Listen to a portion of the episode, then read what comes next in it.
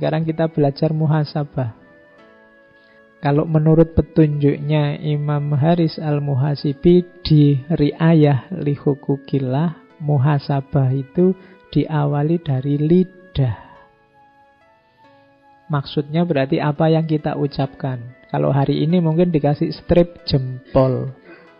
Apa yang kamu tulis di medsos, apa yang kamu posting. Karena sekarang kan orang itu eksisnya kan nggak nggak cuma lewat kata-kata, tapi juga lewat jempol lewat statusmu, lewat postinganmu. Sekarang kan jargonnya tidak lagi aku berpikir maka aku ada, tapi aku bikin status, aku posting maka aku ada. Ya. Kalau kamu punya grup WA dan kamu diem aja ndak posting-posting kan kamu terus nggak dianggap ada. Kalau kamu posting yang nge-like banyak, yang komentar banyak, kamu baru merasa wah aku eksis nih. Nah, itu berarti aku posting maka aku ada. Ah, yuk di deh. Kamu posting apa hari ini? Kamu ngomong apa saja hari ini? Itu lidah. Lidahmu mengeluarkan apa saja hari ini?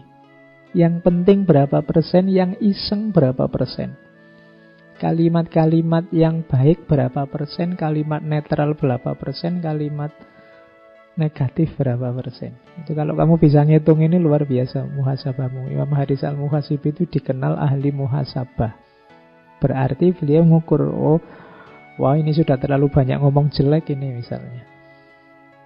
Terus setelah lidah mata. Mata, kalau mau ngomong matamu tidak enak.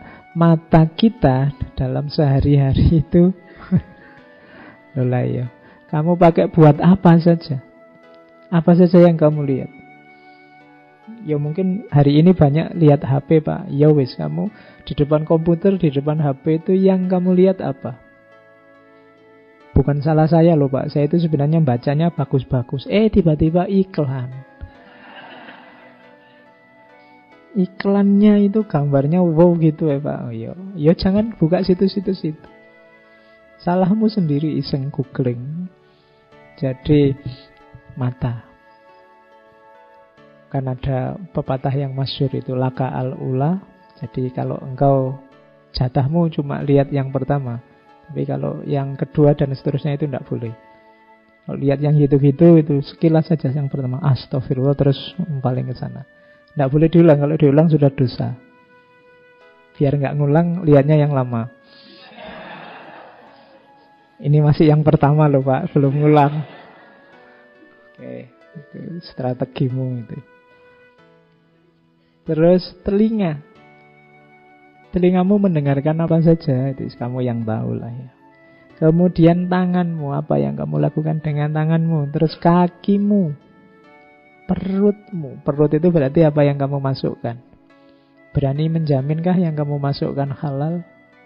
Berani menjaminkah yang kamu masukkan baik dalam perutmu? Terus kemaluan. Saya tidak tahu sudah fungsi apa belum yang punya kalian yang belum nikah. Tapi hati-hati, orang sering terjebak di kemaluan itu wadahnya itu tapi isinya kan nafsu. Sejauh mana kamu bisa mengontrol itu, itu nanti menentukan nasibmu. Lahirnya itu. Oke, nilailah ini sampai rapotnya tidak merah. Apakah itu lidah, mata, telinga, dan macam-macam. Berarti fisikmu positif. Kalau sudah fisikmu positif, muhasabah level 2. Tanyakan tujuannya. Kebaikan yang kamu lakukan itu untuk mencari ridhonya Allah atau ada pamrih lain. Mulutmu yang baik, perilakumu yang baik, kamu mendengarkan yang baik-baik, kamu jaga benar perut kemaluanmu. Itu demi ridhonya Allah ada pamrihnya ndak? Ada tujuan yang lain ndak? Jangan-jangan untuk tujuan-tujuan selain Allah. Pak, saya sekarang rajin tahajud, rajin puasa Senin Kemis, Pak. Kenapa? Baru daftar CPNS. Iya, ada pamrihnya kemarin-kemarin ke mana aja. Jadi Coba dicek, ada pamrih-pamrih dunia ndak? Saya sekarang rajin sholat duha pak. Kenapa? Lu sholat duha itu katanya rezekinya lancar pak. Ya tidak masalah. Tapi tidak masalah dengan Tuhannya. Tapi targetnya kok itu. Jadi muhasabah level 2. Ayo dicermati. Kebaikan-kebaikan yang kamu lakukan itu mencari ridhonya Allah apa tidak. Kalau lulus di level 2 ini, masuk ke level 3. Kamu kan tadi sudah baik, lahirmu, batinmu juga baik ternyata kamu mencari ridhonya Allah. Tapi sekarang coba tanya, kamu bangga enggak dengan dirimu?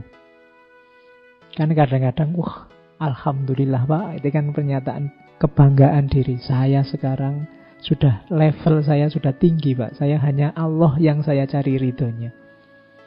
Kamu tidak sadar begitu kamu mengklaim bahwa levelmu sudah tinggi, kamu tidak kayak yang lain, kamu sudah tidak punya pamrih sebenarnya menunjukkan bahwa kamu sedang jatuh lagi.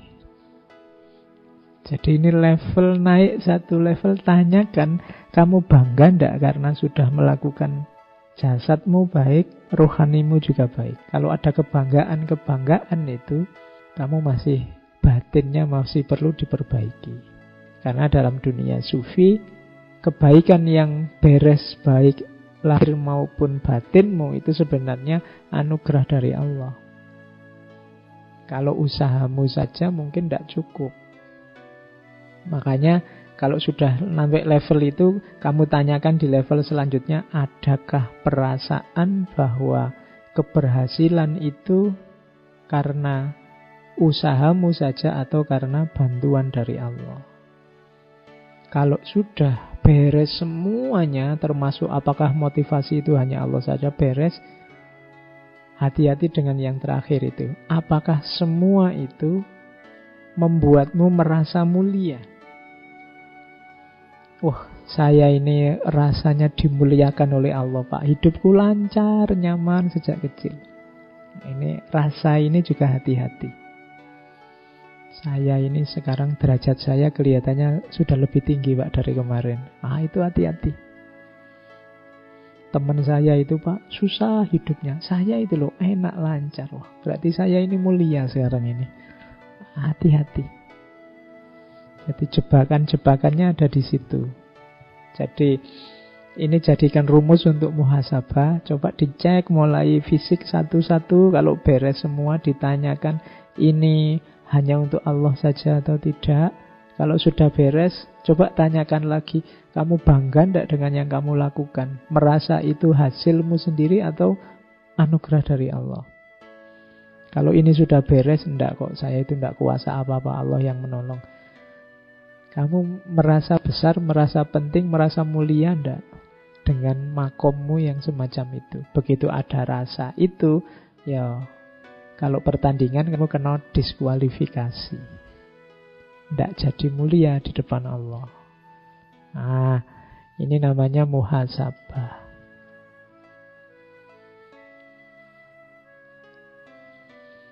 Mungkin kita tidak bisa sampai level tinggi, ya pelan-pelan. Sampai level satu saja luar biasa sudah. Lidah terjaga, mata terjaga, telinga terjaga. Terus naik ke level kedua yang hanya ridhonya Allah. Kalau sudah begitu, semua kebanggaan kita sirnakan diyakini bahwa segala yang terjadi adalah anugerah dari Allah. Dan meskipun begitu, tidak perlu ada rasa bahwa aku ini mulia, aku ini istimewa, aku ini penting, dan seterusnya. Nah, itu caranya muhasabah. Terus muhasabah juga harus hati-hati. Kadang-kadang kita sering tertipu dengan amal baik. Amal baik juga katanya Imam Haris Al-Muhasibi harus ngerti porsi dan proporsinya. Harus paham urutan-urutannya, mana yang harus duluan, mana yang belakangan. Bekerja itu ibadah. Sholat duha juga ibadah. Dua-duanya ibadah. Mana yang harus didahulukan, mana yang harus dibelakangkan. Dibelakangkan bukan berarti ditinggal. Kalau pas lagi rame-ramenya pekerjaan, misalnya kalian buka toko kok waktunya sholat duha, kok pelanggan pada datang semua, terus ya jangan ditutup tokonya, saya sholat duha dulu lah. Nah, itu salah prioritas. Kita sering begitu. Kadang-kadang ada salah prioritas itu yang sunnah diutamakan, yang wajib ditinggal. Salah prioritas. Waktunya sholat tahajud semangat karena ada misinya. Habis sholat tahajud ngantuk, subuhnya bareng duha. Ah itu urutannya keliru. Kalau sholat, kalau puasa Ramadan rasanya kayak formalitas, tidak ada rasanya. Tapi setelah Ramadan puasa sunnahnya dikuati serius. Kebalik, harusnya di Ramadan ini kita serius. Di sana fadilahnya macam-macam. Nah, ini namanya urutan amal. Hati-hati. Orang sering tertipu di sini di antara godaannya setan katanya Imam Haris Al-Muhasibi itu kita dibolak-balik urutan amalnya. Jadi kebaikannya. Saya seminggu yang lalu ada cerita. Saya tidak tahu pastinya gimana. Jadi ada teman-teman mahasiswa yang sedang sholat.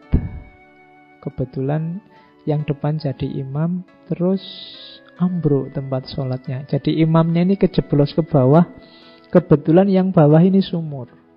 Setelah imamnya jatuh ke bawah ini, ada makmum satu ke depan melanjutkan sholat isaknya menyelesaikan sholatnya.